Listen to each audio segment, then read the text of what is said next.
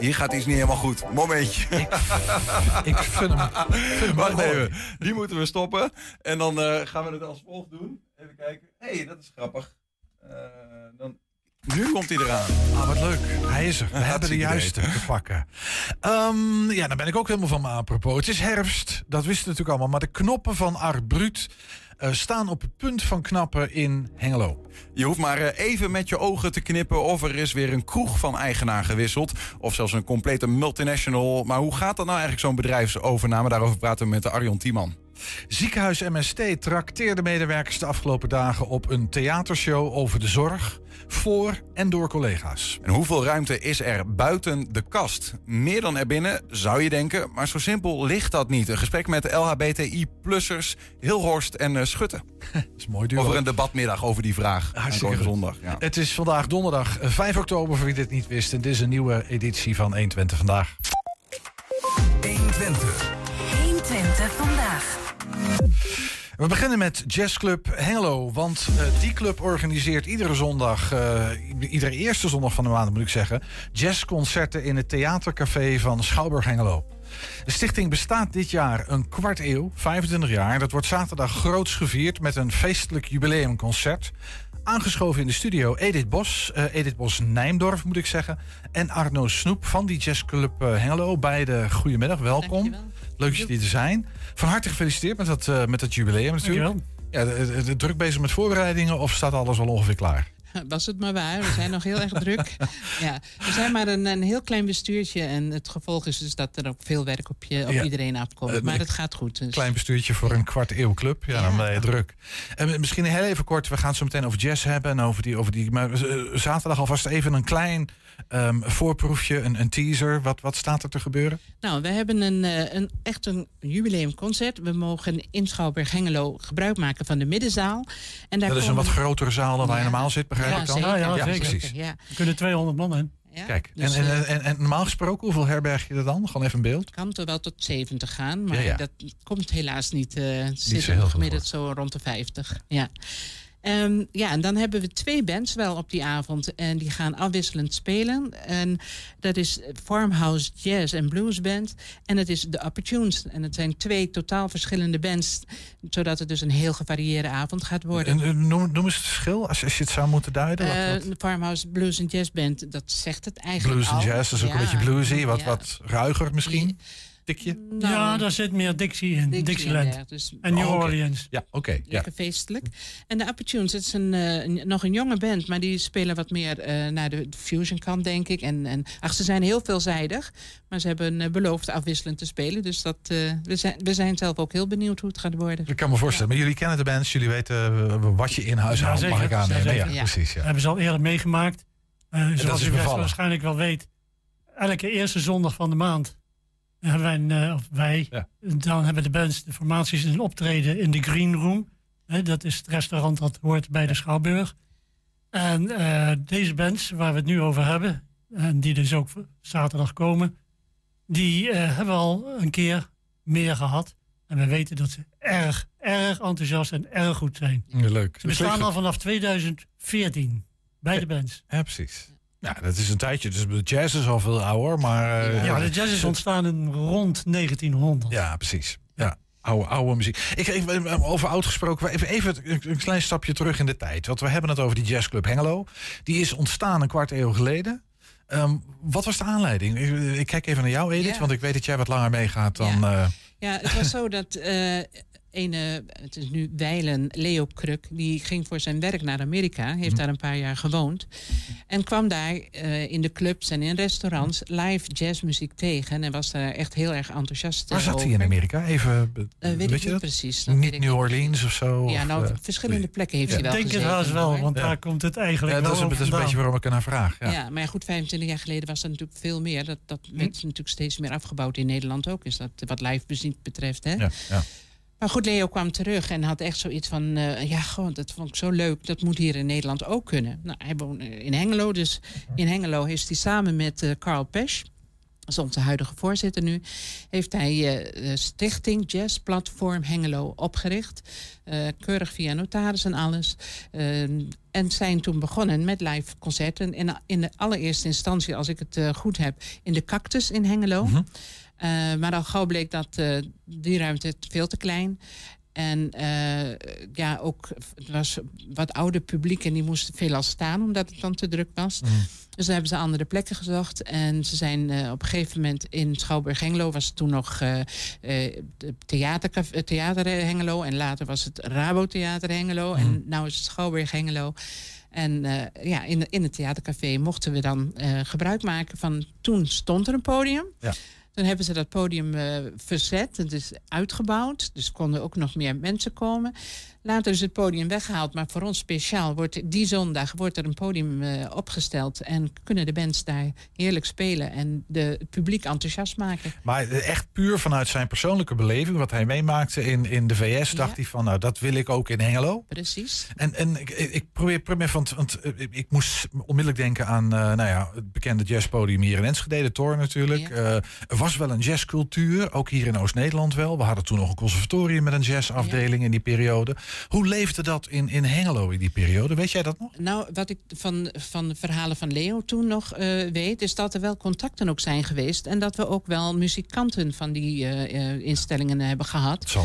Ja, maar uh, ja, dat ging op een gegeven moment ook allemaal weg. Hè? Dus dat werd ook allemaal minder. Mm -hmm. Ja, dat, dat merk je. Ook, we wisten bijvoorbeeld dat er in Almelo ook een, een jazzclub was. En die moest ook opdoeken op een gegeven moment. En dus wel leuk dat die mensen ons dan wel weer weten te vinden. Ja, precies. Maar dat moeten opdoeken heeft dan te maken met bezoekersaantallen, met het kan niet meer uit en je moet bands ja. inhuren, weet je, dat soort Subsidies dingen. Dus, die je wel of niet krijgt, ja.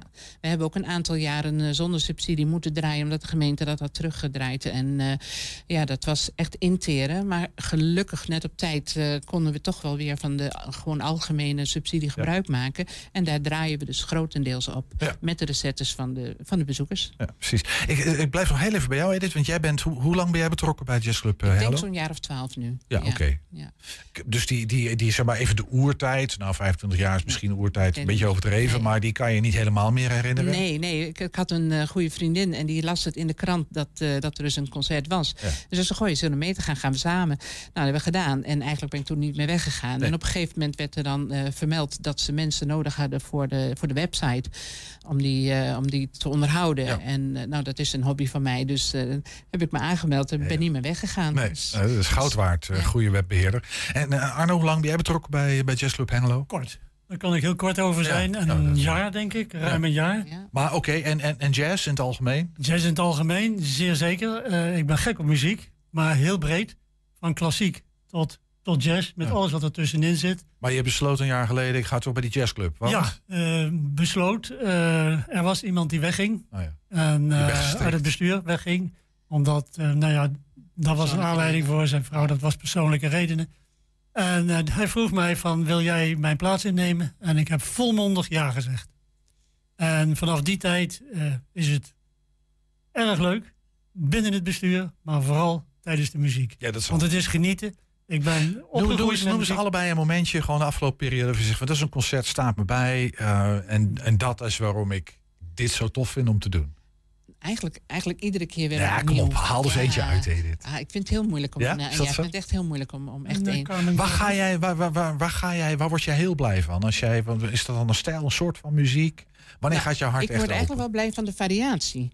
Want als het alleen maar Dixieland is, ja, dan ja. wordt het saai. Ja, ja, ja. Maar als je echt kan variëren, dan, uh, en ook richting blues, want daar hou ik natuurlijk wel. Uh, de ja, ik weet niet, natuurlijk. Soul, ja, dat zit met, met mijn kleur, denk ik, heeft dat te maken. Maar uh, ja, ik vind het gewoon ja, echt wel mooi. Ik hou niet van de hele moderne jazz. De hele vrije... Nee, daar hou ik niet van. Nee, precies. Nee. Arno, die had volgens mij wel... Je had wel iets wat bij je in je opkwam... toen, je, toen net die vraag werd gesteld van... denk je terug aan een moment? Ja, ik, Arno heeft nog maar een jaar terug Ik weet, dus ik weet dat, en dat is voor mijn tijd geweest... dat ja. er een goed contact is geweest met Carmen Gomez. Ja. En uh, dat is natuurlijk fantastisch... Maar daar weet jij waarschijnlijk meer van. Ja, dat is een hele goede zangeres. En het is ook vaker geweest. Maar zo hebben we echt wel meerdere hoor. En ja, ja het is gewoon heel moeilijk om, om daar echt ja, goed, we, we, gaan geen liefde. Maar, maar, ik, maar, ik mag ik een vraag stellen over, over, die, over die club? Sorry, maar even ook over dit, dit genre. Want het valt me altijd op, zeg maar. Je, je hebt geen ehm, eh, popclub volgens mij. Of een, eh, een eh, weet ik, ja, hardrockcafé heb je. Maar het is zo'n genre waar mensen altijd, zeg maar, net even iets gepassioneerder of een soort van, alsof een soort van eh, klasse apart is. Terwijl je dus ook een hele grote groep hebt hè, die altijd zegt jazz, ik snap er helemaal niks van. Ja. Maar hoe komt dat, eh, Arno? Eh, jazz is te vergelijken met klassiek. Dat klinkt heel gek, maar eh, jazz is een vorm van muziek maken die je terug kan voeren tot in de klassiek. Zoals klassiek is in, in de middeleeuwen is ontstaan. Ja, En eh, wat wij doen, of wat wij doen, wat de bands doen en waar wij op inschieten, dus de eerste zondag van de maand, is een zo gevarieerd mogelijk formatie te vinden. Eh, de ene keer is dat inderdaad meer Dixieland en New Orleans-achtig. ja. De andere kant is het wel eens meer met zang jazz en dan pure jazz. Eh. Ja, maar de vraag was eigenlijk hoe komt dat er een jazzclub is? Een, eh, Het is ja. geen club. Ja, een club, naam. dan denk je aan leden. Ja, Ja. En wij hebben geen leden. Nee. Wij hebben een vaste kern die graag komt. En die hebben dus ook wel een abonnement. Waardoor hun entree dus iets goedkoper wordt. Maar iedereen die van muziek houdt, welke genre dan ook, is welkom. ja, precies. Heel goed. Dat is helder. Maar eh, misschien dan toch even over, over dat imago van jazz. Want de, de- volgens mij doel je daar ook een klein beetje op. Het, ik, ik hou zelf erg van jazz hoor. Dus het is niet helemaal het beeld dat ik heb. Maar toch bestaat het beeld wel een beetje. Dat zijn ach ja, wat oudere heren met pochets. En eh oud koorleden, weet je wel. Eh, En die rijden in Volvo's Jaguars. En, eh, en die komen dan zo'n jazzavondje. ja, Ja, of dames zeggen- met mantelpak. Weet je, Klinkt- maar een nee. beetje- dat is toch een beetje het beeld soms, hè? Dat klinkt fantastisch, maar dan denk ik dat je voornamelijk hebt op de big bands. Ja. En de big bands, dus waar dus eh, zeg maar twaalf blazers op een rij staan Mhm. met een trompet en nog eens twaalf met een saxofoon. Ja, dan denk ik dat je inderdaad wat naar het oudere volk kijkt die daar heel gek van is. Mhm. Eh, vergeet niet, ons podium is dus wat kleiner en er komen zes man of zes dames. En ja, die spelen heel anders. Die hebben ook een andere ritmesectie. Ja, Ja, en dat is, dat is, dat is anders. En Maar dat het trekt beeld- ook een jong publiek. Hoor. Wat- wat- dat beeld klopt, dat, dat klopt. Is, is dat een beetje terecht of, of helemaal niet? Nee, wat Arno zegt, dat klopt ook wel. Eh, maar wat bij ons wel de bedoeling is, is dat het publiek echt betrokken wordt ook bij dat eh live concert. Het is niet dat je, eh, zoals je in een concertzaal zit en alleen maar luistert. Hè. De bedoeling is dat je het echt gezellig hebt die middag. En er mag zelfs gedanst worden. Dus dat, ja, er gebeurt he- helaas de laatste tijd niet zo heel veel. Maar ook op de avond hebben we een dansvloertje. Dus voor de zaterdagavond, wie komen wil en dansen wil, Ja. allemaal welkom. Ja. Ja. Daar wil ik even op inhaken. De middenzaal waar we het in het begin over hadden. Mhm. De middenzaal is helemaal aangepast. Dus waar voorheen een soort tribune-achtige stijl was met de stoelen naar boven lopend, dat is helemaal weg. Mhm. Het is één vlakke ruimte met twee podia, waar de twee formaties staan. Er is een dansvloertje en voor de rest tafeltjes met stoeltjes. Ja. En dat is erg gezellig, lijkt het ons. Er wordt feest gevierd, er wordt goede muziek gemaakt. Ja, wat, wat, dat moet, lekker dat moet kletsen, succes worden. Dat moet gewoon goed zijn. En het maakt eigenlijk niet uit waar je vandaan komt. Nee, of hoe oud je bent of zo. Iedereen Ja. moet komen en Ja. eh, die dansvloer op. Ja. eh, en Ja. een borreltje drinken aan die tafeltjes. Dat kan. En, Hapje, heel, even, heel even, want het- het- een jazzplatform eh, opgericht om jazz in het oosten meer ruimte en plek te geven. Gaat het dan om, zeg maar, is dat je bands van buiten naar binnen haalt en, en Twente of Hengelo trakteert op wat er aan goede jazz in Nederland is? Of gaat het er ook om dat je Twentse artiesten, jazzmuzikanten een plek geeft? Allebei eigenlijk. Allebei. Ja, echt allebei. Hebben wij Dat goede jazzmuzikanten in het, eh, hier in Twente? Eh, ja, zeker wel. Want zoals die Upper Tunes, hè, dat is dan een hele jonge band, maar die komen hier ook vandaan. Ja. En eh, eh, ja, De Cotton Town Jazz Band. Cotton Town. Cotton. Town Jazz, ja, klinkt goed. Hij, Ja. Die is helaas gestopt. Dat heeft te maken met de leeftijd van de muzikanten. Ja. Maar eh, die was Maar toch, toch, toch, toch die leeftijd weer. Maar jij, jij, jij ging naar die, die Opportunes, zei je. Dat is een jonge band, Dat is een jonge ik, band, ja. En als je zegt jong, waar hebben Ik we dan denk over? dat ze rond de 30 zijn. Ja. Mag ik het daarop houden? Misschien zal ik er een paar eh, beledigen. Maar, Of, ja, of een paar veten. Ja. ja, toch? maar eh, weet je, de, de trompetiste bijvoorbeeld, die is toch wel bekend in deze regio. Annemariet en Hegler. Ja, hoe oud zou die zijn? Ik Die ga is- dat niet noemen, want dan weet iedereen haar leeftijd. Maar Dat is jong. staat precies in eh, de leeftijd die jij noemde. Dus ja, dat, en eh, dat is, klopt, eh, ja. ja, die is heel enthousiast en speelt waanzinnig goed. Ja. En die komt ook zaterdag. nog heel even, want jullie hebben dat platform opgericht. Nou ja, met, met ook een beetje een missie. Eh, het, het is gezellig en je wil voor elkaar wat doen en een samen goede tijd hebben. Maar ook jazz een plek geven in Hengelo in dit geval. Ja. Eh, je noemde al subsidie van de gemeente, gelukkig. En Ja. de recetten van bezoekers. Ja. Ehm, is het financieel lastig rond te krijgen? Of, of lukt dat Ja. allemaal? Ja, want weet je, we hebben in het begin echt twee keer in de maand. Hè? Dus om de andere week hadden we een, een concert. En dat lukte gewoon op een gegeven moment echt niet meer. En, eh, En die kosten zitten hem dan vooral in het huren van de band en, en, De en spul. ja, vooral Want die de zaal hoef je niet te betalen, Nee, begrijp fijn hè? Ja, dat, dat vinden we super hoor. Voor ik. Schouwburg zijn we heel erg, erg dankbaar voor. En ook de, de hulp die ze nu eigenlijk bieden. En we hebben bijvoorbeeld de website is, is ook, eh, ook gesponsord als het ware door WeCare en eh WeVolve, laat ik niet liegen. WeVolve. Ja. En eh, ja, dus dat is mooi. Wat heb je nog nodig van de gemeente? Eh, nou, wij zouden het leuk vinden als ze dus weer twee in de maand zouden kunnen eh, doen. Dus dan zou de subsidie omhoog moeten. Maar ja, dat zijn van die standaard bedragen. Dat wordt heel moeilijk. Maar zijn er nog meer sponsoren? Ja, donateurs, noem maar op. Dan zouden we daar wel heel erg blij van worden. En extra ja. leden zou ook Ja. fijn zijn, begrijp ik. Ja. Echt, ja, het zijn geen leden, hè? Nee, maar mensen die een abonnement kopen eh, en die dan regelmatig gaan komen. Dat is eigenlijk wat ik bedoel. Dat is sowieso, Ja. Maar daarmee bepalen ze, bepalen ze voor ons ook dat we bestaansrecht hebben. Dat, we, dat ze echt wel nog gewenst in zijn. Nou, aanstaande zaterdag een eh, fantastisch instapmomentje voor mensen volgens mij. Eh. Nog even precies hoe laat en waar en, en waarom moeten we eigenlijk allemaal gaan komen. De zaal gaat open om half acht. Acht uur is de kick-off. En het duurt officieel tot tien uur, half elf. En, maar eh, officieus. Elf uur. nou, nee, tien uur. Kijk, we rekenen gewoon op tien uur, half elf. Ja. Maar als het enthousiasme groot is en de muzikanten, daar hebben ze zin in, dan die je- twee bands die totaal verschillend zijn, Ja, ja. er is een grote kans, hebben ze gezegd, dat er nog een soort jam session Ja, komt. dan weet, je bent Ja, dat met, is met fantastisch. jazzmuzici weet je nooit wat er gebeurt. Nee, nee, als nee, die ja. los zijn. Dat ja, dat snap ik. Kaarten te verkrijgen nog? eh, Ja. Of is het uitverkocht? Nee, is nog te Nee. verkrijgen. Er zijn nog Waar kaarten kunnen mensen terecht?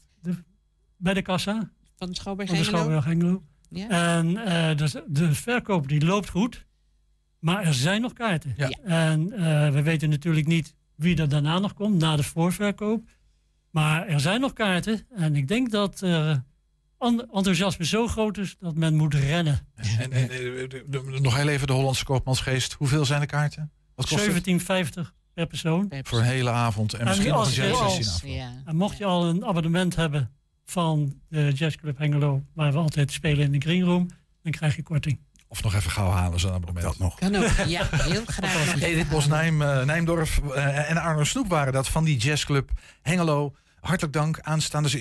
Edith wil nog één ding zeggen. Eén voordat ik ga zeggen, want Ga je is gang. ook nog wel leuk. Ja. Er zijn nog twee muzikanten die zich eh, vrijwillig hebben aangemeld om in de hal, op het moment dat de zaal open gaat, eh, ook een, eh een luistermomentje te geven. Dus dat is hartstikke leuk. Philips Rijns en Milan de Keizer. Nou, dat klinkt hartstikke goed. Nog een muzikaal voorafje. Ja. Aanstaande zaterdag vanaf half uur, half acht de deur open in Schouwburg Hengelo. Hengelo. Nou, ga erheen. Als je een klein beetje van muziek en jazz houdt, vooral doen. Niels? Eh, nou ja, ik, eh, zaterdag heb ik andere verplichtingen, eh, zoals wij weten. Maar eh, ga er vooral heen ook als je een jazzliefhebber bent of die club wil leren kennen, zou ik zeggen, in Hengelo. Dus bij deze. Staat genoteerd. Ja, als je trouwens, ehm er gaat alweer, ik moet een heel ander tuentje hebben. Komt goed? Ik dacht, eh, als je net zoals eh, eh, Edith en, eh, en, eh, en Arno enthousiast bent over iets, of juist helemaal niet, eh, laat het ons vooral weten. Met een tip aan de redactie kan dat. Eh, dat is redactieapenstaatje 120.nl bij deze. 120 vandaag. Tientallen kunstenaars met een verstandelijke beperking of psychische aandoening eh, stellen vanaf zaterdag hun werk tentoon tijdens de vijfde editie van de Art Brut Biennale in Hengelo. Hun anders zijn geeft de kunst vaak extra zeggingskracht, een extra laagje zou je kunnen zeggen. In het voormalige V&D-pand spraken we met de curator en een paar van deze kunstenaars.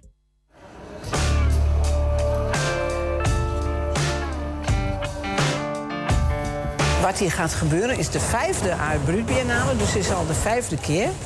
Art Brut wil zeggen dat het gaat over kunst die heel erg, ehm, ja, hoe moet je het zeggen, ruw, echt, eerlijk, eh, ongekunsteld. En ik kan de term misschien uitleggen, want degene die het ooit bedacht heeft, die heet Jean Dubuffet. Die heeft in 1948, was kunstenaar, een Franse kunstenaar. En die had bedacht dat na de Tweede Wereldoorlog was de kunst een beetje ja, het was een beetje in slop, moet je je voorstellen. He, er was niet echt meer in Europa een duidelijke kunstrichting. En wat hij ontdekte was in psychiatrische uh, ziekenhuizen, in een aantal psychiatrische ziekenhuizen, ontdekte hij werk van kunstenaars. En dat was zo, hoe moet je het zeggen, zo eerlijk, zo echt, zo authentiek, zo verfrissend ook. Uh, dat hij dacht, daar wil ik iets mee. Dat is een bron van inspiratie. En toen heeft hij de term Art Brut bedacht. Omdat misschien kennen jullie met oud en nieuw wel. Champagne brut wil zeggen dat is champagne die heel zuiver en heel puur is. Er zit niks meer in. En deze Jean de Buffet, die kunstenaar, die was dus het hoofd van een ook in de familie van een Frans wijnhuis. Dus hij dacht, als ik nou een naam moet bedenken... voor iets wat zo zuiver en puur is als deze kunst... dan, dan doet dat denken aan die champagne brut. Het is wel zo dat aanvankelijk ging Brut over psychiatrische kunst... maar nu gaat het dus over een veel breder spectrum. Dus daar zitten ook mensen bij... Um, met verstandelijke beperkingen, uh, mensen met, uh, in het autisme spectrum bijvoorbeeld. Dus dat is wel wijder geworden, dat hele begrip.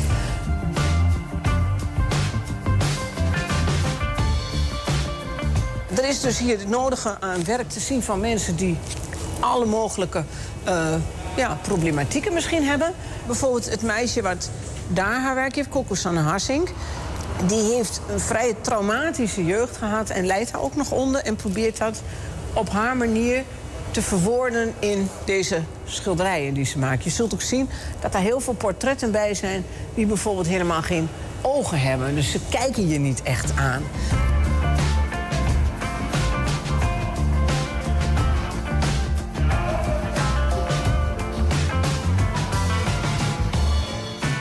Is het werk van Arnold Fietje. En Arnold Fietje, die zegt eigenlijk niks. Het feit dat de man weinig zegt, maar naar zijn eigen werk met heel veel overleg en liefde kijkt. En je ziet dat hij eindeloos bezig is met zo'n hele zachte vlek te maken. Met een soort geduld en een soort liefde, maar ook een soort gevoeligheid. Maar als je ziet in, in, de, in musea voor eigentijdse kunst zou dit absoluut niet misstaan. Maar deze man kan zichzelf niet vertegenwoordigen. En dat is ook iets. Daarom hebben we deze tentoonstelling.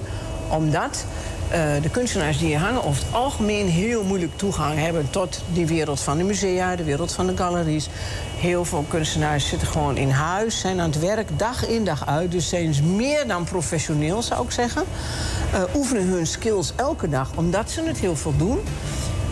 Maar ja, op de een manier is het heel moeilijk om, om toegang tot, uh, tot, tot, tot de wereld te krijgen. En daar is onze tentoonstelling voor.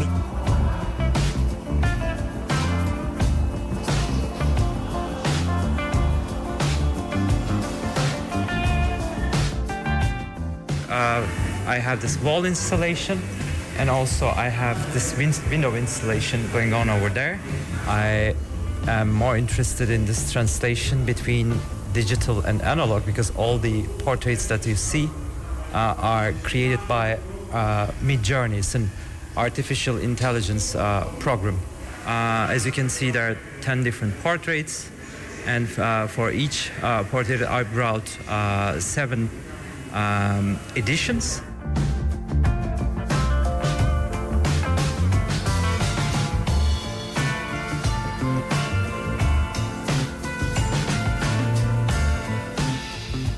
Ben drie jaar geleden, toen de corona is begonnen, ben ik gaan uh, tekenen. Daarvoor teken ik al een klein beetje. Maar uh, daarna ben ik echt gaan tekenen. En ja, ik denk dat dat mijn gevoelswereld is in relatie tot wat, wat we naar ons toegegooid krijgen elke dag over het nieuws. En dus mijn werk begint eigenlijk bij de hemel en dan als je alles zo langs loopt, dan kom je uiteindelijk uit in de hel. Maar het is denk ik meer een angstgevoel dan dat dat echt weg van de wereld zou worden. Maar daar ben ik een beetje mee bezig.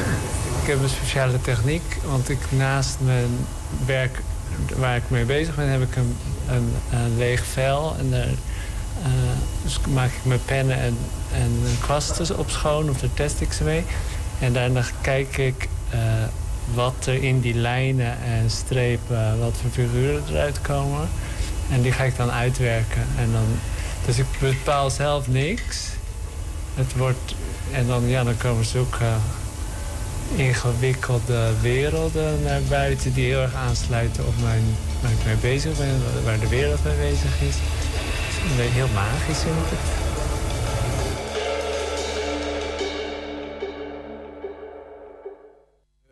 De Art Brut Biennale. Dus uh, vanaf zaterdag en ik geloof zondag ook nog te zien. In ieder geval, uh, kijk even op de kanalen als je het wil weten. In, uh, in Hengelo.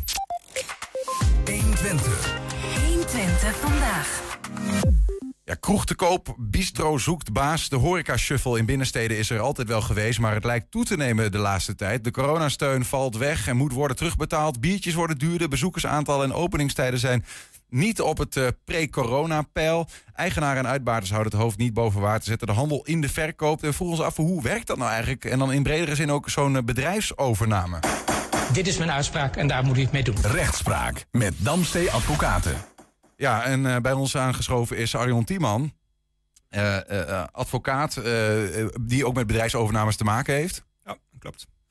En dus er eh, nogal wat van weten, in ieder geval meer dan wij. We laten ons graag bijpraten. In Enschede herinner ik me Arjon uh, bijvoorbeeld uh, San Remo, een studentenkroeg. Eigenaar gaat naar Spanje in dit geval. emigreert gewoon. Heeft volgens mij niet veel te maken met het hoofd niet boven water kunnen houden. Maar we hebben Café Rox, bekend café dat een kroeg om de hoek bij, aan de Klokkenplas overneemt. Bijvoorbeeld ook daar weet ik niet of de vorige eigenaar het met coronasteun niet kon redden of wat dan ook. Um, maar jij ziet wel bewegingen in, in horecaland wat dat betreft? Um, ja, ik denk dat de, het aantal overnames uh, stijgt op het moment in, in horecaland. Hè. Mm -hmm. zijn er meerdere en uh, dat zie je vaak als, als partijen gaan uitbreiden, hè, als het hartstikke goed gaat. En je ziet het als het slecht gaat. Want dan als een bedrijf ietsje minder waard wordt, hè, omdat het net, net wat minder stabiel is, ja, dan kun je misschien wel voor een prikje krijgen. En dan, dan komen de opkopers. Ja. Ja, dat, dat is dan ook. Ik vroeg me af, waarom zou je een kroeg overnemen als die rode cijfers draait, bijvoorbeeld? Ja, de, goedkoop. Hè? Ja. Uh, daar gaat de prijs wat omlaag. Uh, een, een, kroeg die op zijn uh, top draait, ja, daar betaal je ook de hoofdprijs voor. Ja. En, en het is natuurlijk wel zo, um, je moet daar een goed plan bij hebben. Want als je een kroeg overneemt, of, of ook als je hem begint, hè, dan wil je dat, dat je nou, binnen nu en vijf jaar, het liefst zo snel mogelijk, um, maar binnen een bepaalde periode weer mooie groene cijfers draait. Um, ja, dat gaat soms met, met, gepaard met financieringen of met nieuwe businessmodellen, maar Um, je wilt daar wat moois van maken. Ja. En, en uh, als jij al een lopende kroeg hebt en je kunt er een bij hebben, ja, um, dan heb je misschien ook wel wat schaalvoordelen. Um, kan allerlei redenen. Ja, precies. Ja. Nou ja, goed, de, de kroeg is in dit geval even het tastbare um, ding waar, waar, waaraan we het ophangen. Uh, bedrijfsovername kunnen natuurlijk aan alle. Je kunt aan, aan multinationals denken zelfs. In bepaalde zin, lijkt dat op elkaar? Um, het is alleen veel groter. Ja. Vaak wat complexer. Hè? Er zitten meer elementen in een nou, multinational overnemen dan, nou, dan in de, de kroeg op de hoek, om het mm -hmm. zo maar even te noemen. Um, maar het proces is hetzelfde. Ja. minder uitgebreid, maar het komt op hetzelfde neer. Ja. Uh, als, als we het hebben over bedrijfsovername, zeg jij, dan moet je eigenlijk, en laten we dan even inzoomen op die kroeg, om dat toch tastbaar te houden. En ook uh, voor ons, dat begrijpen we denk ik, hè, krukken, taps, weet ik veel wat allemaal. Um, dan zeg je eigenlijk, ja, dan begint het eigenlijk bij de vraag, wat is een kroeg eigenlijk? Um, ja, want en, en, dat geldt met heel veel dingen zo. Maar als jij zegt van, nou, we gaan naar de kroeg, waar ga je dan altijd heen? Mensen hebben het dan over de locatie, maar... Um, ja, als je het hebt over de onderneming, de kroeg, um, ja, wat zit daarin? Mm -hmm. nou, je noemde al even de tap en de, en de, en de krukken, uh, die zitten daarin. Uh, maar het is meer dan dat. Het is misschien ook wel een contract met, met de brouwerij, hè, die elke, elke maand een aantal vaatjes bier komt brengen. En het is een, uh, een overeenkomst met de verhuurder van het pand. Hè. Um, dat zit allemaal in die onderneming. En um, ja, of het daar dan echt in zit, hè, of wat die onderneming dan precies is, dat hangt een beetje af van de bedrijfsvorm die je kiest. Nou, heel, veel, heel veel mensen kennen wel de BV. Hè? Um, dan doe je eigenlijk alsof je een nieuwe persoon maakt. Ja, een, een rechtspersoon. Die is mm -hmm. vergelijkbaar met, met, met, jij en ik. Alleen het is iemand op papier. Um, en die kan zelf contracten sluiten. Kan zelf uh, barkrukken in eigendom hebben of een tap. Um, of je kunt bijvoorbeeld kiezen voor een model waarin je een, een VOF hebt. Hè? Een, een, dan heb je twee vennoten die samenwerken of een eenmanszaak. maar dan staan de contracten niet op naam van een aparte rechtspersoon, hè, de BV. Maar die staan op naam van de privépersoon zelf. Dus ja. als, als ik een eenmanszaak zou hebben, een eenmanszaak uh, kroeg Tiemann, om het zo maar even te noemen, um, dan sluit ik zelf die contracten. En als ze dan niet betaald wordt, ja, dan kunnen ze bij mijzelf thuis aankloppen. Ja, ja dus die, bij die eenmanszaak bijvoorbeeld uh, horen die spullen die jij als bedrijf hebt, die horen feitelijk bij, bij jou. Die zitten aan, Ja, jou, aan jou dat, vast. Dat is van mij. Ja, Ja. Hè? En, en als ik het in een BV zou stoppen, hè, dan zou ik een BV oprichten. Ja. Dus een aparte persoon op papier. Die heeft dan de eigendom van, eh, nou, van die krukken en van de contracten. Mhm. Ehm, nou, dat heeft voor mij een voordeel. Als, als die BV, eh, eh, als ik niet meer kan betalen, gaat die BV failliet. Maar dan zit ik zelf wel veilig. Hè? Ja. En, eh, en ik heb alleen de aandelen van de BV. Dus de BV, met alles wat erin zit, is van mij. Ja, Maakt dat- dat voor het overnameproces Ja. uit, eh, Ja. Timo? Ja. Want als je eh, eh, in een overname zit en je hebt een BV bijvoorbeeld waar die hele kroeg in zit, dus al die contracten en de eigendom en, en, en de inventaris van die kroeg, ehm, dan kun je heel simpel de aandelen overdragen. En dan zeg je van nou, ik heb 100 aandelen in, in, in eh, nou, kroeg Ernst en eh, eh, die ga ik verkopen aan, aan, aan jou Niels. Ehm, draag ik die aandelen over, dan blijft alles verder hetzelfde, alleen de BV heeft een andere eigenaar. En is het zo dat ik een eenmanszaak heb. Dus ik heb zelf die contracten met, de, met de brouwerij. Ik heb zelf die, die barkrukken op mijn naam staan. Ehm, ja, dan moet ik alles apart overdragen. Dan moet ik eigenlijk een koopovereenkomst maken. Waarin ik al die onderdelen die in die kroeg zitten ehm, onder elkaar zet. Dus de, nou ja, hè, nogmaals, de, de inventaris, de, de machinerie. ehm, misschien ook wel contracten met personeel. Hè, met, de, met de barman die ik in dienst heb. Mhm. En die moeten allemaal op jouw naam komen. Dus jij moet dat allemaal eh, kopen van mij, stuk voor stuk. Mhm. Ehm, en je moet ook nieuwe contracten zo, eh, sluiten. Met bijvoorbeeld de verhuurder. Want die heeft namelijk nu een contract met mij. Met, met, met Kroeg Ernst, eh, de eenmanszaak. Ja. En straks, eh, straks met jou. Bij een BV zeg je feitelijk, dan blijft de BV die persoon waarmee je zaken doet als Ja. bierleverancier bijvoorbeeld. Ja. En die bierleverancier gaat nu in één keer niet meer met Ernst zaken doen als kroegeigenaar, maar met Niels. Eh, bij die bierleverancier. En die, die, maar, en die kan dan op zo'n moment ook zeggen, maar wacht even, dat wil ik helemaal niet. Of eh, dan gaan de prijzen omhoog. Ja, of wat dan ook. als, als je een, hè, bijvoorbeeld een eenmanszaak hebt en je moet zelf die contracten overdragen, dan kan die bierbrouwerij maar zomaar zeggen ja, ik heb met jou een contract, maar niet, maar niet met Ernst, hè, die de kroeg koopt, eh, tussen aanhalingstekens. Ja, ja, ja. En zit het in een BV, dan heeft die brouwerij nu met de BV een contract hè, om, om, om visjes bier eh, eh, te leveren elke, elke vrijdag, ik, ik noem maar iets. Ehm, en straks, als die BV een andere eigenaar heeft, dat is leuk en aardig, maar dan heeft hij nog steeds, die brouwerij, met dezelfde BV een contract. Dus er verandert niets. Hey, hoe, hoe vinden die, die mensen elkaar eigenlijk? Zet die eh, kroegeigenaar die zijn kroeg in de verkoop wil doen, dat op marktplaats of zo? Want ja, je hoort het altijd in de media. Dit bedrijf Ja. overgenomen, dat. Hoe werkt dat? Nou, eh, er zijn eh, letterlijk marktplaatsen waar je bedrijven kunt kopen. Als je even googelt, dan, dan krijg je allemaal bedrijven die worden aangeboden. Ehm, en, maar over het algemeen gaat dat toch ja, binnen het netwerk. Eh, eh, je weet vaak wel wat de concurrent doet, wat, wat een, bevriende partij doet of eigenaar. Ehm, en als die iets te koop zet en dat praat zich rond, ja, dan eh, soms via de boekhouder of de advocaat eh, Ja. komen ze in contact met een koper. Ja. Ik- vroeg me af, heb je nou veel cowboys, zeg maar? Z- Zeker ook in periodes waarin kroegen goedkoop zijn misschien... of andere bedrijven, omdat het niet zo lekker gaat. Dat je cowboys in je markt ziet die gewoon proberen ergens winst uit te pakken... of, of een slaatje te slaan. Ja, Of valt het mee? Nou ja, kijk, kijk eh, Of mag je dat heb niet je zeggen? over- overal. Ja, dat mag ik, mag ik wel zeggen. Maar ik? Ja, het zijn jouw klanten ook natuurlijk, bedenk ik Nee, ehm, nee, ik heb alleen maar hele mooie eh, luxe klanten. Nee, nee het, het is wel zo, en dat gebeurt niet alleen in kroegwereld, maar overal. eh, een bedrijf is natuurlijk iets heel moois. ehm, eh, waar je ook, als je zou willen, eh, misbruik van kunt maken. Mhm. Je kunt daar fraude mee plegen. Je kunt contracten sluiten die je niet betaalt. Hè, dan laat je de BV klappen. Ehm, eh, in de overnamewereld ehm, ehm, ja, zou dat misschien ook wel meespelen. Maar wat heel belangrijk is om te weten, is als jij een kroeg koopt, dan komt er vaak, en dat woord kennen veel me- mensen misschien wel, een, een due diligence onderzoek. Je gaat onderzoek doen naar het bedrijf. Hè, Wat, wat, wat, wat ruilt er en zeilt er in die onderneming? Ehm, net zoals dat je een huis koopt, en dan ga je kijken van ja, eh, ik loop er eens door.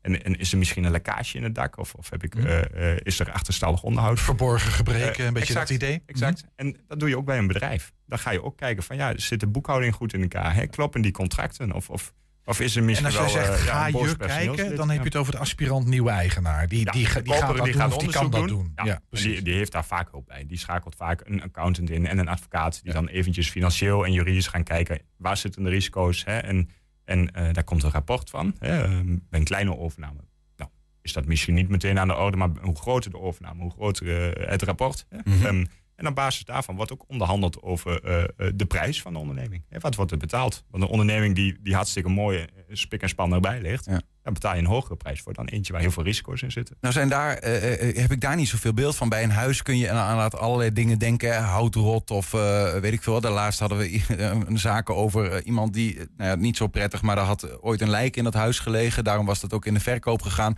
Was niet bekend ge- geworden. Wat zijn bij bedrijven nou de, de addertjes, mogelijke addertjes onder het gras waar je op moet letten? Ja, dat, dat zijn vaak eh, eh, eh, schadeclaims die nog, nog kunnen, kunnen voorkomen. Hè. Dat, is niet altijd. Hè. We kunnen heel veel verschillende voorbeelden verzinnen. Maar waar je over het algemeen aan moet denken, is bijvoorbeeld. ehm, eh, nou, stel je eens voor dat er een, werknemer is die ziek is, bijvoorbeeld. Hè. Ehm, en als ik het bedrijf zou kopen van iemand met daarin een, een, werknemer die net ziek is geworden, dan weet ik dat ik het risico heb van ja, ehm, hoe vervelend dat ook is voor die werknemer, eh, ik moet hem nog twee jaar doorbetalen.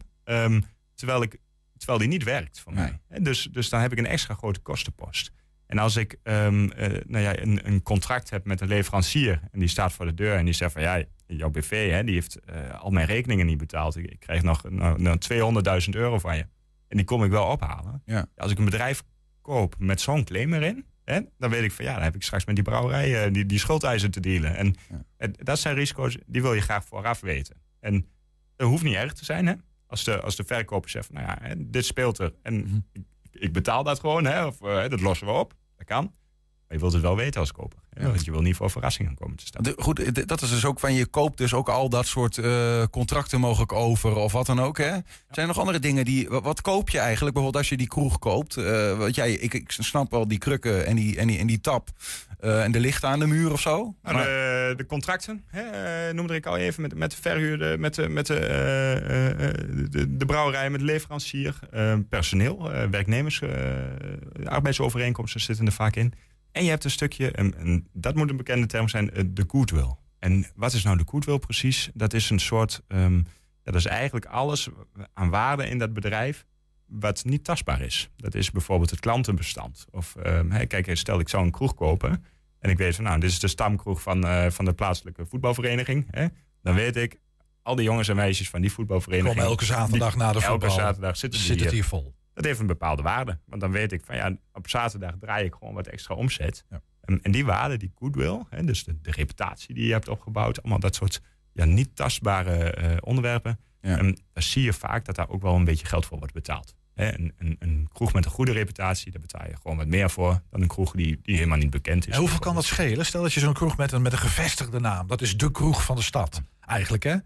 Eh, die naam laat je dan waarschijnlijk intact, want dat is ook je uithangbord. Wat, wat scheelt dat? Gewoon even gewoon Eh, idee. Wat scheelt dat in de bedragen? ehm, ja, het- Een percentage gewijs? Ik heb, ja, ik- dat verschilt dus. En dat komt omdat sommige kroegen zijn heel erg afhankelijk van het merk. En denk aan de grote bierbrouwerijen. Als je, als je daar het stickertje van op jouw biertje plakt, ehm, ja, dan is het biertje twee keer zoveel waard. En dat, is lastig, hè? dus ik kan niet echt een percentage zeggen. Maar, maar denk je aan een kleine kroeg, dan heb ik nou, recent zie ik een bedrag bij komen, misschien 10, 20.000 euro aan, aan goodwill. Mhm. Ehm, er wordt ook wel eens goodwill eh, betaald van enkele tonnen. En ehm, ja, gaan we in de, in de eh, echte dat is beursgenoteerde bedrijven zitten. Ehm, dat zou het misschien niet helemaal goodwill genoemd worden. Daar betaal je waarschijnlijk voor de merken. en- en de- reputatie, precies. ehm, Ja. Dat soort onderdelen. En dan wordt het anders uitgedrukt.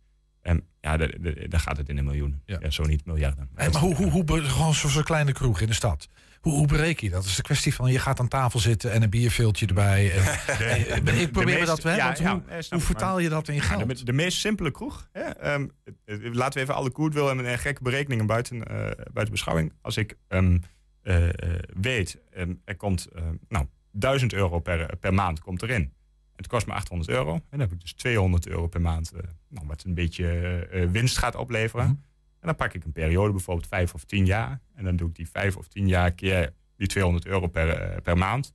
En dat is dan een redelijk bedrag van, nou ja, dat is een onderneming die ik met risico's en al overneem.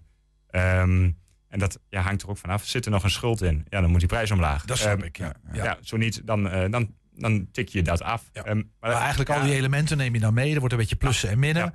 Eh, en daar heb je dan wel eh, handvatten voor hoe je dat doet. En dan kom je tot een soort ja, van maar dat, dat is ook eh, vaak gebeurd dat samen met de accountant en de advocaat. En, en ehm, eh, ik, ik noemde het al even, we hebben echt ont- ontzettend veel verschillende bedrijven. Een, een, een kroeg ja, kan echt, kan 5000 euro of 10.000 zijn. Het kan ook een paar ton zijn. Ik, ja, het is niet zo'n soort zeg van het is in elk geval in die richting. Ehm, het varieert.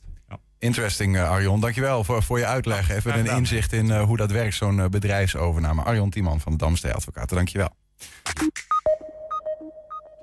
Als ik zeg in de kast of uit de kast, waar denk je dan aan?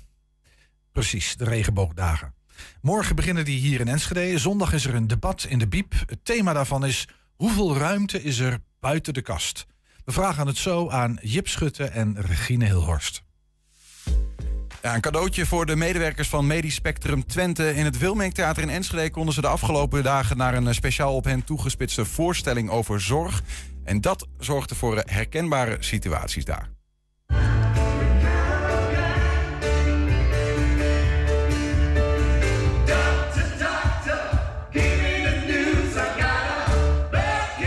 Wij maken echt uh, theatershows. Dus het is niet alleen theater, het is ook cabaret, het is ook inspiratie. Het is ook uh, heel veel interactie met het publiek.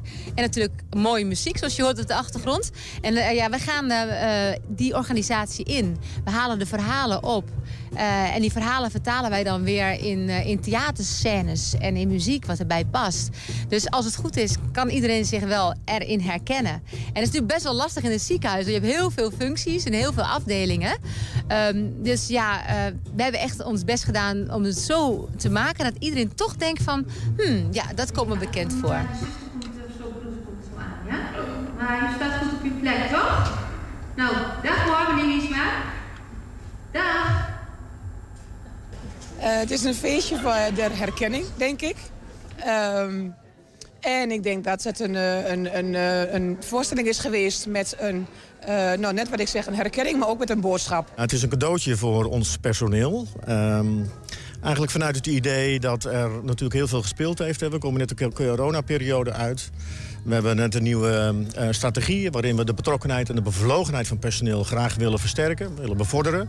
Nou ja, dit is een van de manieren om dat, uh, om dat te doen. Voelt het wat jou betreft ook een beetje als een cadeautje? Ja, ja dat voelt het zeker. Ik vond het superleuk. Heel uh, herkenbaar. Uh, ja, ontspannend ook wel. Het was, het was uh, ja, hilarisch eigenlijk wel. Maar ook soms wel een beetje heftig om het van die kant te horen hoe het soms voor de patiënt voelt. Of, uh, ja, dat was soms wel confronterend. Wij zijn waardenladers, zo heet ons bedrijf. Wij laden zeg maar, de kernwaarden van organisaties. In dit geval gaat het dan over vernieuwen, vertrouwen en verbinden. En ja, die drie kernwaarden proberen wij met theater, met verhalen uit die organisatie te laden. Zodat iedereen zich kan herkennen. En dat het niet loze woorden zijn, maar dat het ook een gezicht krijgt en een verhaal. Nou ja, vanuit de OR uh, van het Medisch Spectrum Twente hebben we daar over mee mogen denken. Ik ben zelf verpleegkundige, dus ik sta nog met die voeten in de klei. Maar wij bestaan wel uit een heleboel andere mensen uh, van alle lagen in onze organisatie. Dus we konden die verhalen wel meenemen. Wat ik mooi vond was wat die man zei met het weiland. De, de deeltjes dat wij een, een wij moeten vormen met de II en ik denk, of met de IJ. En ik denk ook inderdaad dat er uh, misschien nog wel, al wordt het wel heel veel samengewerkt... Uh, nog te veel individualistisch gewerkt wordt... terwijl wij uh, veel meer de verbinding moeten gaan zoeken. En dat maakt, denk ik, het MSD in de toekomst veel sterker. Het is gewoon meer dan alleen die patiënt in bed met de zorg daaromheen. Dus het is een totaal plaatje en ik denk dat het heel goed is... Um, dat mensen dat ook ook, dat ook die mensen die erkenning krijgen. Het is heel lang gegaan over verpleegkundigen en dat mag, hè, want dat moet ook ben ik met iedereen eens. Maar ik vind het wel net zo belangrijk dat die medewerker daarachter ook nog genoemd wordt.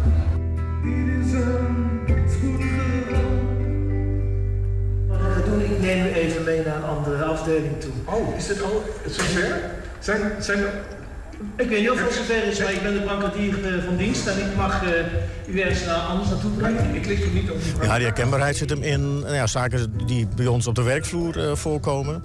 Uh, de manier waarop er met elkaar gesproken wordt. Soms issues die op dit moment heel erg actueel zijn. Hè? Bijvoorbeeld veiligheid op de werkvloer, bijvoorbeeld dat soort. De, de druk de telefoontjes die wij in de, in de zak hebben. Uh, we hebben een Michael, we hebben een um, andere telefoon. Uh, de, de prikkelbaarheid van buitenaf, buiten de patiënt om is zo herkenbaar. De afleiding, ja, dat klopt.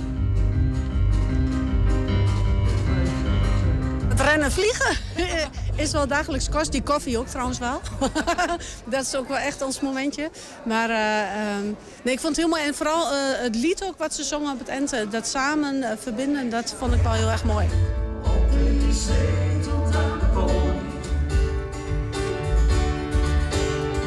Is ook wel wat soms mist, denk ik.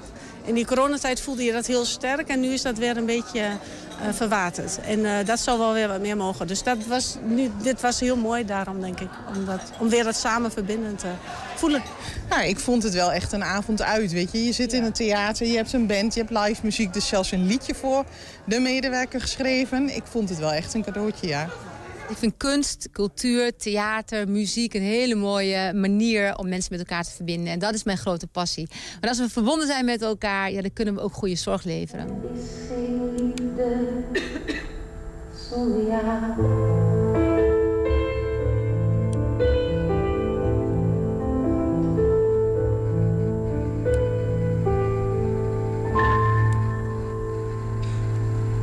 Dat is gisteravond eh, bij het MST hier in Enschede. Ja, Passend einde hoor. Uh, een passend einde van deze video is mooi. Kling. 120. 120 vandaag. En hoeveel ruimte is er buiten de kast? Die vraag staat aankomende zondagmiddag centraal tijdens een debat in de Enschedese bibliotheek in het kader van de regenboogdagen. De debatmiddag met muziek, sprekers, een interactieve quiz en een paneldiscussie wordt georganiseerd door verschillende partijen, waaronder jongeren- en studentenvereniging Exaltio in Enschede. En presentaties in handen van theatermaker Regine Hilhorst. Regine is bij ons en zij heeft meegenomen eh, Jip Schutte, voorzitter van eh, Exaltio. Eh, ook hartelijk welkom. Dankjewel. Beide. Ehm, ik begin even bij jou, Jip. Ja. Strikvraag misschien, maar wat ik kan betekent... meteen al even, heel even een kort... eh, Ja? eh, ik ben geen voorzitter meer. Oké. Eh, dat was ooit wel, twee jaar Ja? geleden. Ja, Eh, dat is al een ik ben afgelopen jaar... Ik had dat mailadres nog. ja, ehm, dat is dus wel... vorig jaar ben ik ook bestuur geweest. En ik ben sinds eergisteren geen bestuur meer. Dus eh, ik heb het touwtje nu eindelijk overgegeven. Heel En, goed, eh, heel goed dat je dat zo... ja. eh, Maar je hebt er een tijdje bij gezeten, Ja, ook officieel als bestuurslid. Dan vind ik dat ik jou deze vraag zou moeten kunnen stellen. En dat Ja. is, wat betekent dat, Exaltio? Ex Exaltio is het. Ehm, als in waar de naam vandaan komt? Ja, of. Dat is een goede vraag. Heel veel mensen vragen dat. Eh, het komt uit het Latijn. Ik zou zelf niet weten waar, wat het precies betekent. Ehm, maar het doel is in ieder geval een, een veilige thuishaven eh, creëren voor mensen die zich identificeren als queer. Of eh, nou ja, dat niet per se zo noemen, maar wel onder de paraplu-term vallen. Zeg. nou, exalt betekent uitschreeuwen, toch? In het, Nee, ex- ehm, exalto, ik, ben, ik ga nou heel wijze neuzerig In het Engels. maar ik heb het gewoon opgezocht. Exalto betekent in vervoering brengen. Oh. Verrukking. Ja, nou ja, dat is, dat is het- dan, het- het eh, is, ik vond dat een hele mooie naam. Ja. Maar het is eigenlijk een, een, ja, ik zeg het even een beetje plant, een regenboogclub voor studenten. Ja, ja. Toch hè? Ja. ja, dat is wel een goede Mag ik dat zo zeggen? samenvatting. Ja, Ja, precies. En, makkelijke en, termen. de, de- de- de vraag was een beetje van, ja, de- de- natuurlijk heel logisch, hè, de, de, maar is, hoe belangrijk, wanneer is, wanneer is Excelsior opgericht? Misschien is dat een beetje de vraag. En waarom is het destijds opgericht? Weet jij dat? Ehm, Ja, nou ja, ik ben nu zelf eh, vier jaar actief, eh, waarvan dus twee jaar bestuur geweest. Eh, we zijn nu bij bestuur 8 aangekomen. We zijn dus begonnen in 2016. Oké. Ehm, dat is toen begonnen met, geloof ik, een, ja, een heel klein groepje. Eh, Mhm. We zijn intussen best wel uitgegroeid, maar... eh, Want, hoe groot is die club? we zijn nu eh, 180 ongeveer. Oké. Eh, en dat is dus vooral in Enschede. Een aantal mensen die in Hengelo dan wonen. En nou ja, wel in Enschede vaak zijn. Ehm, en het is nou ja, in 2016 opgericht met het idee van... ja, we hebben niet echt een, een veilige plek om onszelf te zijn en onszelf te ontwikkelen. Ehm, ja, omdat we toch een beetje het gevoel hebben dat we bij bepaalde groepen niet echt bij passen. Hoe gek is dat? Ja. Ja, ik kan mezelf niet zo goed voorstellen dat het er niet is. Eh, nou, ik ben dus vier jaar geleden in Enschede komen wonen ook. Ehm, en toen meteen bij Exaltio gegaan. Eh, ik kan me niet voorstellen dat het er niet is. Dan was, het heel, was mijn leven heel anders gelopen. Nee, zeg maar, maar. probeer eens een Ja. schets. Nou ik vraag het ook een klein beetje omdat jij, ben, eh, jij bent bestuur gezeten van die Mhm. club. Ehm, we hebben het hier op de redactie ook over gehad. En, en er zijn redactiemensen die gewoon het onderdeel uitmaken van die regenbooggemeenschap. Ja. Ook hebben gestudeerd, die het studentenleven hier in Enschede kennen. Ja. Maar nooit van Excelsior gehoord Nee. hebben. Dus dan denk je van, hé, hey, oké, niet iedereen heeft daar kennelijk staan naar op zoek. Of heeft daar, maar voor jou is het heel belangrijk geweest. Zeker. Kan je uitleggen, stel dat het er niet geweest was. Hoe, hoe had jouw studententijd er dan Ehm, uitgezien, denk je? Nou ja, ik denk in, in persoonlijke ontwikkeling heb ik ook best wel veel doorgemaakt. Vooral de laatste vier jaar, maar daar ook al wel daarvoor een beetje. En ik denk wel dat Excelsior heeft geholpen om mezelf comfortabel te voelen met me ontwikkelen zoals ik dat graag zou willen.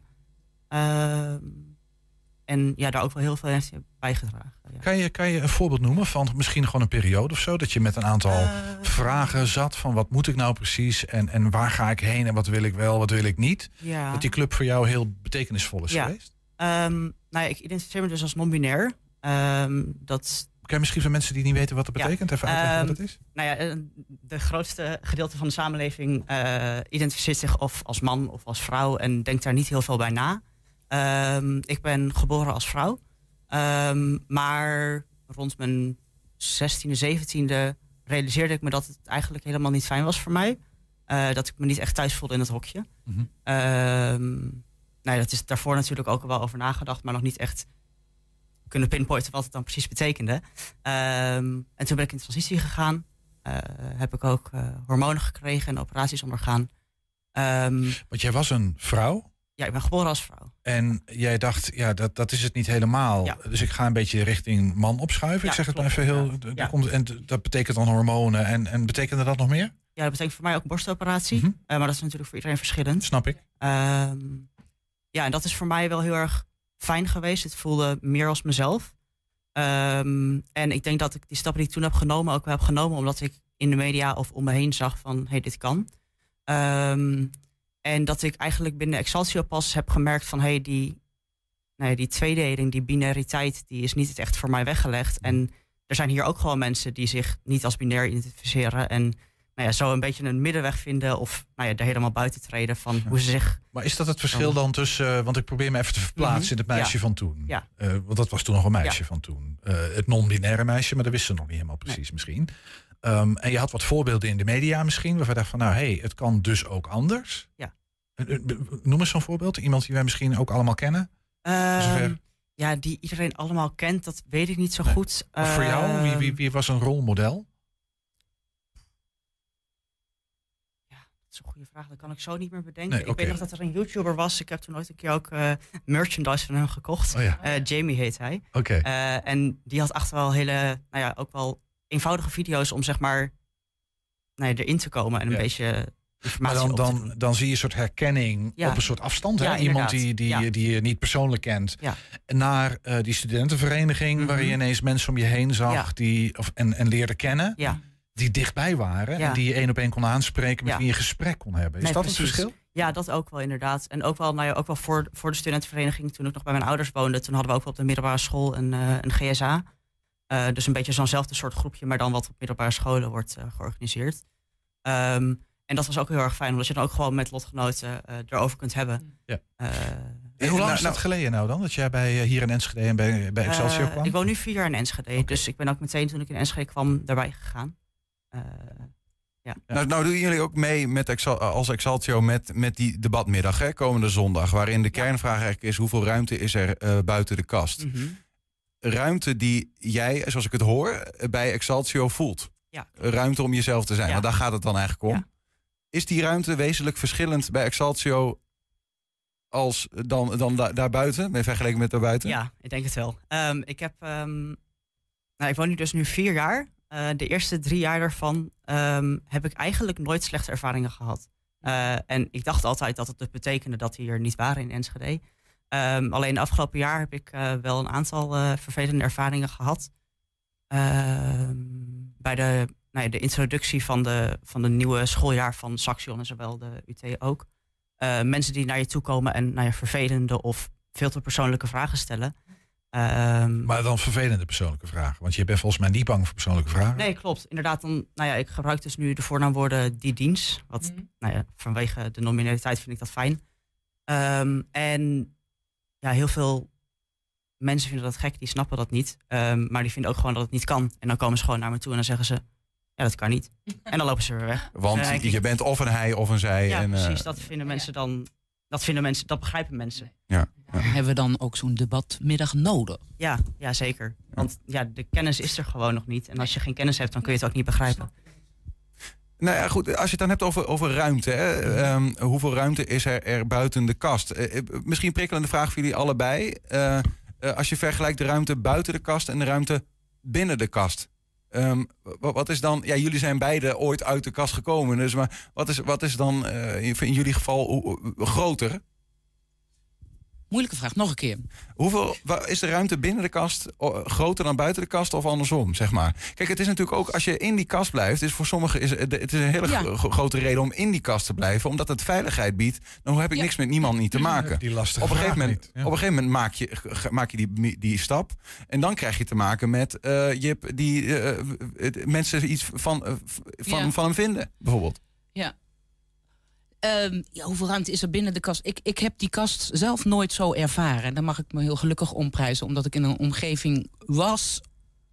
Of, ja, waar het eh, bijna geen probleem was. Hè. Mijn ouders vonden het wel heel raar in het begin, maar het, was geen probleem. De kast was er niet voor jou. De kast was er niet. En ook niet toen ik eh, eh, met een vrouw twee dochters kreeg, was, was het even gek, maar ook weer helemaal niet. Ja.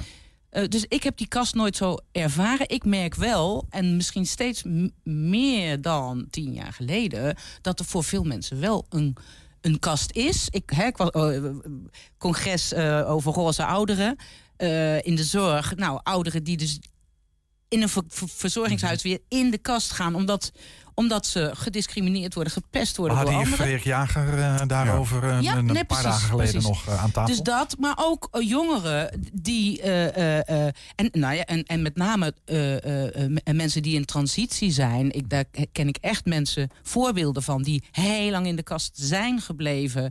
En toen was de keuze. Het is, het, het, het is geen keuze, hè? Toen was het of ik spring voor de trein, of ik ga iets anders doen. Ja. Dus die kast, die interne kast, die, die kon niet meer. Snap je? Die, Nee, ja, maar dat, dat, is, knal, dat is ook een beetje waarom ik het vraag. Omdat ik dacht van, van eh, als, als er zowel eh, buiten de kast, eh, als je voelt dat de ruimte knelt, want dat is de vraag, hoeveel ruimte is er buiten? Maar binnen is die er ook. Eh, anders noemen we het geen kast, denk ik. Zo van, hé, je, zit, je voelt dat je vast zit. Dan kom je, dan kom je dus vast te zitten, Jip. Ja. Ja. Ja. ik weet niet. Die kast zelf, ik heb hem gedeeltelijk ervaren. Ik merk vooral dat het heel makkelijk is om er niet buiten te treden. Ehm, Want nou, ik ben er best wel open over. Als ik merk van hey, het is hier veilig om mezelf te zijn, dan, dan doe ik de deurtjes open en dan, eh, dan ben ik gewoon mezelf. Eh, maar op momenten als ik ergens door een stad loop waarvan ik denk, nou, ik weet het niet. Ehm, ja, ik heb dan persoonlijk het voordeel dat mensen mij lezen als, als een man. Ehm, dus ik word niet snel lastiggevallen. Ehm, maar een jaar of vijf geleden, als ik dan als nou ja, kleine transjongen eh naar buiten liep, dan voelde ik me toch veel minder veilig, omdat mensen mij wel lazen als. En dan gingen die deuren gewoon weer dicht. Ja, precies. Wat is, de, wat is de be- beperkende factor buiten de kast? Wat maakt dat de, dat de ruimte in de kast niet zo groot is dat je, dan je soms zou willen? Waarom die vraag überhaupt gesteld wordt? Snap je de vraag? Dus eh, je gaat, je gaat buiten die kast. Jullie stellen de vraag: hoeveel ruimte is daar eigenlijk? Eh, en, dat, en dat is in onze hele wereld, overal waar we gaan en staan. Wat is, wat is in die eh, ruimte buiten de kast de beperkende factor? Nou, de beperkende factor is dat mensen, eh, eh, hè, en ik begreep ook, jullie hebben een uitzending gehad, daar ook mail over gehad van anti-koeien mensen, ik weet niet. Ehm, eh, eh, mensen eh, denken, goh, ik vind het vervelend, hè, op straat, zullen we zeggen, even in het algemeen. Ik vind het vervelend, al die regenbogen. Waarom moet dat? En er was een prachtig artikel van Claudia de Brein, de Volkskrant. Ze schrijft nooit een gezonde brief, maar nu wel. En die haalde eh, Baldwin aan. En er was iemand die had gezegd: God, waarom moet dat nou allemaal? Waarom is het nou allemaal zo nodig? En toen zei zij van. ehm, eh, weet je, jij vraagt je af of je of je, je je mening mag blijven bestaan. En wij vragen ons af of we mogen bestaan. Dat is het verschil. Dus, eh, en ik denk, en daar ben ik, dat is mijn heilige overtuiging, nee, maar dat er een kantelmoment moet komen. We moeten anders denken, niet meer volg je de norm, wat is normaal, eh, maar wie ben jij en wat kan je bijdragen? En nou ja, in allerlei gebieden vind ik, we moeten gewoon kantelen en af van die rare norm die, die een bepaalde groep boven een ander stelt. En dat is altijd ongelijk. Nee. Is, is, is, is- zou, het, zou het ook iets... van ik, dan kijk ik even naar jou, Jip. Eh, want jij hebt best een, een, een- bijzondere weg bewandeld. In de zin van, hoe ga ik nou precies om met mijn non-binariteit? Het heeft ook fysieke consequenties gehad voor je. En een soort zoektocht van, hoe moet zich dat nou vertalen? Ja. eh, in, in wie ik ben en hoe ik mezelf presenteer. Ehm, m- misschien moet je daar iets van vertellen. Van wat, wat, wat, is jouw, wat is jouw weg geweest? We hebben niet heel veel tijd meer, maar toch nog even kort. Ja, ik heb dus best Ja. wel lang, Ja, snap eh, of nou ja, lang, ik denk een jaar of twee of zo, dat ik dacht van, nou ja, eh, ik voel me toch meer man dan vrouw. Eh, zo een beetje door het leven gegaan. Ehm, en ik vroeg me altijd af of ik mannelijk genoeg was. Eh, want nou ja, ik heb me nou ja, dan 16 jaar lang als, als meisje voorgedaan, zeg maar. Ehm, wat betekende dat voor mij? Ja, ik droeg ook altijd al broeken. Eh, ik heb nooit rokjes gedragen. Eh, toen ik dan als man door het leven ging, ja, dan droeg ik nog steeds broeken. Mhm. Eh, ik dacht, ja, er verandert niks. Ehm, Dus er moest meer gebeuren. Daar kwam het op neer. ja, ja, dus inderdaad, hormonen hebben voor mij er wel veel bij geholpen. Ook zodat nou ja, andere mensen mij dan meer zien als hoe ik mezelf voel. Ehm, en de laatste, het laatste jaar dan vooral een beetje nagaan van wat voor dingen van mezelf heb ik dan weggedrukt. Ehm, om maar als man over te komen. En dat is best wel veel. Daar kom ik achter. Daar ben ik nog steeds aan het achterkomen. Maar eh, Ja, maar die, Ja. die, die ontwikkeling hè, van die ruimte die er komt buiten de kast om wat meer jezelf te zijn. We hebben natuurlijk de homo-emancipatie gehad. Eh, nou, op een gegeven moment, nou, vooruit, weet je, die zijn dat is prima. Daar doen we niet meer moeilijk over.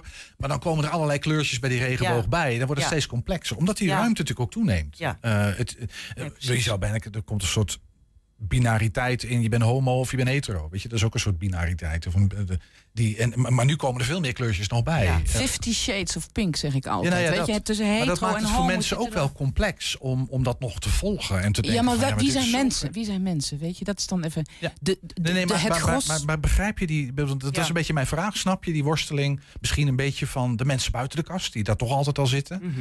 eh, die daar een beetje naar zitten te kijken en denken van, joh, wat, ja, wat moet ik er nou eigenlijk allemaal precies mee? Ja, Is- nou, snap je dat? Ja, aan de ene kant wel, ja. Aan de andere kant denk ik, ja, de hele wereld verandert. Ja. Er zijn ook allemaal nieuwe politieke partijen. Dan Ja. denk ik ook, ja, wat moet ik hier? Moet ik Ja. er allemaal in over gaan lezen? Ja. Dat doe ik ook omdat ik gewoon zelf wel interesse daarin heb. Het zijn allemaal van die onderwerpen dat ik denk, ja, het, is allemaal, het is allemaal nieuw. Het Eh, eigenlijk appel van verdiep je erin, eh, Ja. oordeel niet te snel, Ja. maar verdiep je er gewoon in. Dus kom inderdaad. praten aanstaande zondag in de biep. Dan gaan En, we en, even en dat weet je, en vaak denk ik, hoeveel ruimte is er buiten de kast?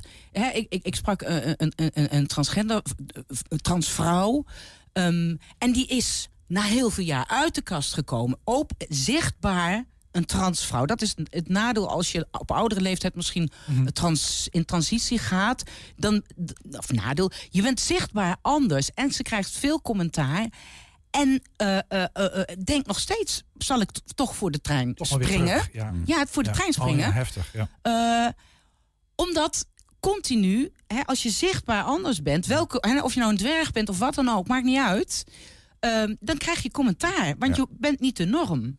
En dat zegt eigenlijk, vind ik, veel meer over de- het gros. Oké, dus jij denkt volgens een norm en daaraan moet je voldoen. Doe jij eens een stap. Word eens nieuwsgierig Ja, dat naar is die eigenlijk ander. het appel, hè? Van hoeveel ruimte is er buiten de kast? Alsjeblieft, maak meer ruimte. Dat is dan het appel. Daar gaan jullie het zondag over hebben. Ehm, wat wil Nou ja, je graag dat... Dat, dat, dat, daar, ik, daar vroeg ik me een beetje af. Want je, eh, Regine, in de, in de uitnodiging zeg je ook van... Hè, kom uit je eigen kast en doe mee. Maar dan bedoel je, bedoel je ook mensen die niet eens wisten... dat ze in een kast zaten, wijs van. Die, die, gewoon, eh, die wij dan hetero noemen. Ja. Namelijk niet in een kast. Ik weet ook niet, maar maakt niet uit. Ja. Je wil eigenlijk iedereen uitnodigen om eh, mee te praten. Ja, graag. Ehm, maar, en wat is de bedoeling daar dan? De- de- ja, zeg maar van, want dan is daar een groep mensen die waarschijnlijk betrokken is. Hè, dus die zal al eh, misschien een wat gematigde mening hebben. Ja. Wat ga je ermee doen met, met die resultaten van zo'n debat?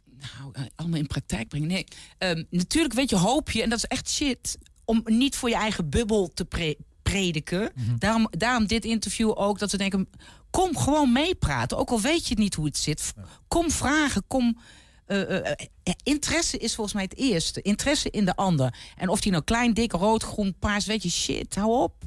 Kom, en dat is de kast die we elkaar omdoen. En, en ik heb dat natuurlijk op andere vlakken ook. Hè. Iedereen heeft zijn eigen oordelen.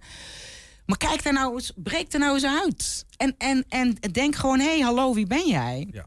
Niet remmen op dat zebrapad daar bij Saxion eh, om eh, remstrepen. Ook niet, ook niet per se, eh, als je, ik zie heel vaak als ik er zelf langs kom, dan, eh, nou ja, dan fiets ik er langs of dan eh, steken er mensen over en die lopen dan precies zo er langs heen. Dat ik denk, ja, je wordt echt niet opeens gay als je er overheen loopt. Is, gebeurt dit echt? Dat gebeurt niet hoor. Ja, risico, je weet nooit, je weet nooit. En dan denk ik altijd, nou, het zal maar een, een nou ja, gedachten in je hoofd zijn dat je denkt van... oh, ik moet hier langslopen, anders dan gaat het Ja. niet goed. Als je daarmee bezighoudt, dan... eh, Volgens mij zouden we hier nog echt heel lang over kunnen praten. Blijft gewoon een thema. En, en, dat is ergens misschien ook wel ja, jammer. Ja. Dat is mijn gevoel er altijd een beetje bij van jongens. eh, Ik wil dat niet een keertje passeren. Nou weet je, maar- ik denk steeds bij al dit soort minderheidsgroepen... Maar nee. je, je ziet het ook over slavernij of wat dan ook. Allemaal groepen die in Hm. onder druk hebben gestaan... die willen nu, die, die zeggen, ik, ik pik het niet meer. Ik kom eruit en hier ben ik. En neem me maar, neem me voor lief. Jip, Regine heeft net een pleidooi gehouden van... eh, jongens, kom meepraten, kom uit je eigen kast. En eh, eh, daar is een microfoon, of een microfoon, een, een, hoe heet zo'n ding, een camera recht tegenover je. Ja. Ehm, eh, zeg even zondag, hoe laat precies en, en waarom moeten mensen komen? Dat heb ik niet in mijn hoofd zitten. Nee, weet ik, maar gewoon even uit je- maar, maar je hebt het wel in je hart zitten. Kom op. nee, dat ga ik allemaal nog wel zeggen, de praktische informatie. Het gaat meer om een gevoel. Waarom, waarom moeten we komen? Waarom moeten we Ehm, onder andere met jou in gesprek? Omdat het beter is om een, een grote scala aan kennis te hebben voor jezelf, voor iedereen. Eh, en ik denk dat het. Het is onhandig als we alleen maar met, met de community, de queer community, met elkaar gaan zitten en met elkaar gaan praten. We moeten juist ook die andere mensen opzoeken. Ja. En ik denk ook dat de andere mensen, of de andere mensen noem ik dan dus, nou ja, de niet-queer personen, eh, om kritische vragen te stellen. Eh, omdat ja, wij, wij geven wel allemaal informatie en we zeggen wel je moet dit snappen en dit snappen. Maar ja, er zullen vast ook wel ja, dingen waar, zijn waarvan je denkt van hm, hoe werkt dat dan precies? Vraag dat ook gewoon. Ja, dus als je normaal onder het Facebook-bericht zou reageren, kom vooral naar de bibliotheek aankomende zondag en, eh, en, en reageer daar en Ja. eh, kom in gesprek. Dat Twee is echt de vraag. Ehm, muziek is er van singer-songwriter Maeve. Ik zeg nog maar even. Spreker, socioloog, godsdiensthistoricus David Bos. We hebben een quiz, paneldiscussie met eh, Jan-Erik Plettenburg van de Roze Golf. Eh, gedichten en muziek van de women herself, eh, Regine Hilhorst. Aankomende zondag 8 oktober van 2 tot 4 in de Centrale Bibliotheek van Enschede. Dus die debattenmiddag over hoeveel ruimte is er buiten de kast. Jip Schutte en eh, Regine Hilhorst, dank jullie wel. En heel veel eh, nou ja, plezier ook aankomende zondag, En denk ik. ontzettend fijn, echt prettig dat we hier mochten zijn. Graag gedaan. Ja. Tot zover 120 vandaag voor vandaag. En eh, nou ja, wil je dat terugzien, terugluisteren, weet ik veel wat je er allemaal mee doet. Dat kan vanavond om 8 en 10 uur op televisie. En eh, zometeen hier op deze radiozender Henk Ketting. Met een kettingreactie en zo. En wij zeggen dan tot morgen, denk Ja, ik. natuurlijk. Ernst. Wij zeggen tot morgen. Tot morgen. Dankjewel voor het luisteren en kijken. 120. Weet wat er speelt in Twente. Met nu het nieuws van 5 uur. Goedemiddag, ik ben Jeroen Hazewinkel. In Oekraïne zijn bijna 50 doden gevallen bij een raketaanval van de Russen. Ze bestookten een supermarkt in de regio